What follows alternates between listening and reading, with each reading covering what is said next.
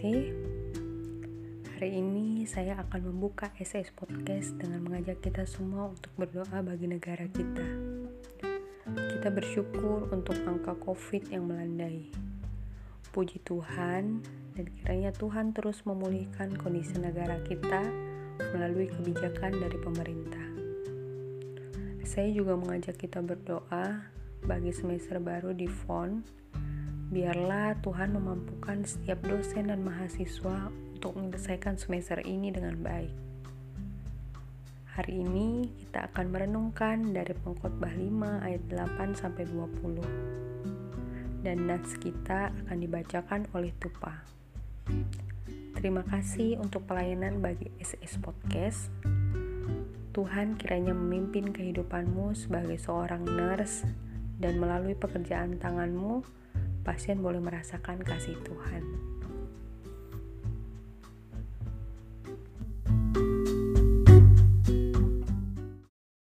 Pengkhotbah 5 ayat 7 sampai dengan 19 dalam perikop kesia-siaan kekayaan. Kalau engkau melihat dalam suatu daerah orang miskin ditindas dan hukum serta keadilan diperkosa, janganlah heran akan perkara itu. Karena pejabat tinggi yang satu mengawasi yang lain, Begitu pula pejabat-pejabat yang lebih tinggi mengawasi mereka. Suatu keuntungan bagi negara dalam keadaan demikian ialah kalau rajanya dihormati di daerah itu. Siapa mencintai uang tidak akan puas dengan uang, dan siapa mencintai kekayaan tidak akan puas dengan penghasilannya. Ini pun sia-sia. Dengan bertambahnya harta, bertambah pula orang yang menghabiskannya. Dan apakah keuntungan pemiliknya selain daripada melihatnya? Enak tidurnya orang yang bekerja, baik yang makan sedikit maupun banyak. Tetapi kekenyangan orang-orang kaya sekali-kali tidak membiarkan dia tidur. Ada kemalangan yang menyedihkan kulihat di bawah matahari. Kekayaan yang disimpan oleh pemiliknya menjadi kecelakaannya sendiri. Dan kekayaan itu binasa oleh kemalangan, sehingga tidak ada suatu pun kepadanya untuk anaknya. Sebagaimana ia keluar dari kandungan ibunya, demikian juga ia akan pergi, telanjang seperti ketika ia datang dan tidak diperoleh dari jerih payahnya suatu pun yang dapat dibawa dalam tangannya. Ini pun kemalangan yang menyedihkan. Sebagaimana ia datang, demikian pun ia akan pergi. Dan apakah keuntungan orang tadi yang telah berlalu menjaring angin? Malah sepanjang umurnya ia berada dalam kegelapan dan kesedihan. Mengalami banyak kesusahan, penderitaan, dan kekesalan. Lihatlah yang kuanggap baik dan tepat ialah kalau orang makan minum dan bersenang-senang dalam segala usaha yang dilakukan dengan jerih payahnya di bawah matahari selama hidup yang pendek. Yang dikaruniakan Allah kepadanya, sebab itulah bahagianya. Setiap orang yang dikaruniai Allah kekayaan dan harta benda dan kekuasaan untuk menikmatinya, untuk menerima bahagiannya, dan untuk bersuka cita dalam jerih payahnya, juga itu pun karunia Allah tidak sering ia mengingat umurnya karena Allah membiarkan dia sibuk dengan kesenangan hatinya. Demikian firman Tuhan.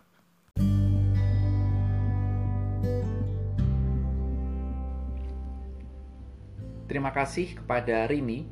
Kiranya Tuhan memberikan pimpinan bagi masa depanmu dan juga bagi Tupa. Tema kita hari ini adalah hidup itu pendek. Dan mari terlebih dahulu kita berdoa. Tuhan Yesus, terima kasih untuk hidup ini dan firman-Mu hari ini sekali lagi kiranya memampukan kami untuk hidup sebagai garam dan terang dalam dunia ini. Demi Kristus, amin. Sobat setia, dalam pengamatan saya, rasanya minimal 75% penduduk Indonesia bergumul dengan masalah ekonomi. Apalagi sekarang ini belum selesai dari pandemi COVID yang berhasil membuat perekonomian dunia dan negara kita menjadi lesu. Banyak orang yang dirumahkan, banyak usaha bisnis yang sepi, dan akhirnya harus tutup. Terlepas dari sikon saat ini, setiap orang pernah dan ingin memiliki uang yang banyak. Dan mungkin sebanyak-banyaknya. Supaya apa? Mungkin bisa disebut dengan sultan. Supaya saya menjadi sultan. Atau saya menjadi crazy rich. Misalnya crazy rich Borneo, atau crazy rich Bajo, atau apa pun. Orang membayangkan bahwa dengan menjadi crazy rich, uang bisa menolong kita dari banyak hal. Betul. Misalnya kalau sakit, ya tinggal ke rumah sakit. Dan bisa bayar sendiri, tidak perlu aneh-aneh. Pengen makan apa, ya tinggal beli, dan sebagainya. Namun realita kehidupan tidak seperti yang kita bayangkan. Seperti apa realita kehidupan itu, kalau kita boleh bertanya? Ketika saya menghantar kue, saya melewati daerah yang belum pernah saya lewati. Bersama dengan anak saya, menghantar kue itu dan terlihat bagaimana kehidupan masyarakat secara umum di negara kita. Sampai saya berpikir, masih ada ya daerah seperti ini. Ini Jakarta loh, kok ada yang seperti ini? Dan dari jarak kira-kira 1 sampai 2 kilo dari tempat itu yang saya lewati, ternyata daerah tembus daerah itu tembus kepada satu komplek perumahan yang harganya menurut perkiraan saya bisa di atas 5 miliar. Wih, luar biasa jomplangnya kehidupan dalam dunia ini. Jomplang, beda banget. Dan inilah satu hal realita yang dikatakan oleh pengkhotbah di ayat 8 dan 9 bahwa ketidakadilan itu sangat dekat dengan kita. Dan orang miskin ditindas dan keadilan diperkosa. Itulah realita yang terjadi. Mungkin kita bertanya, untuk apa orang miskin ditindas dan keadilan diperkosa? Secara singkat dan sederhana, pengkhotbah mengatakan bahwa ujung-ujungnya semua adalah masalah uang, masalah klasik, dan akan tetap ada dari zaman apa pun. Bahkan demi uang, semua akan dilakukan dan dikorbankan.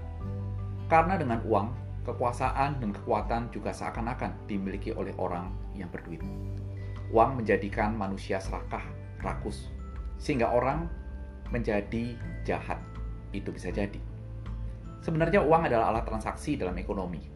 Namun karena sifat serakah manusia, uang berubah menjadi media untuk menentukan status manusia dalam dunia ini.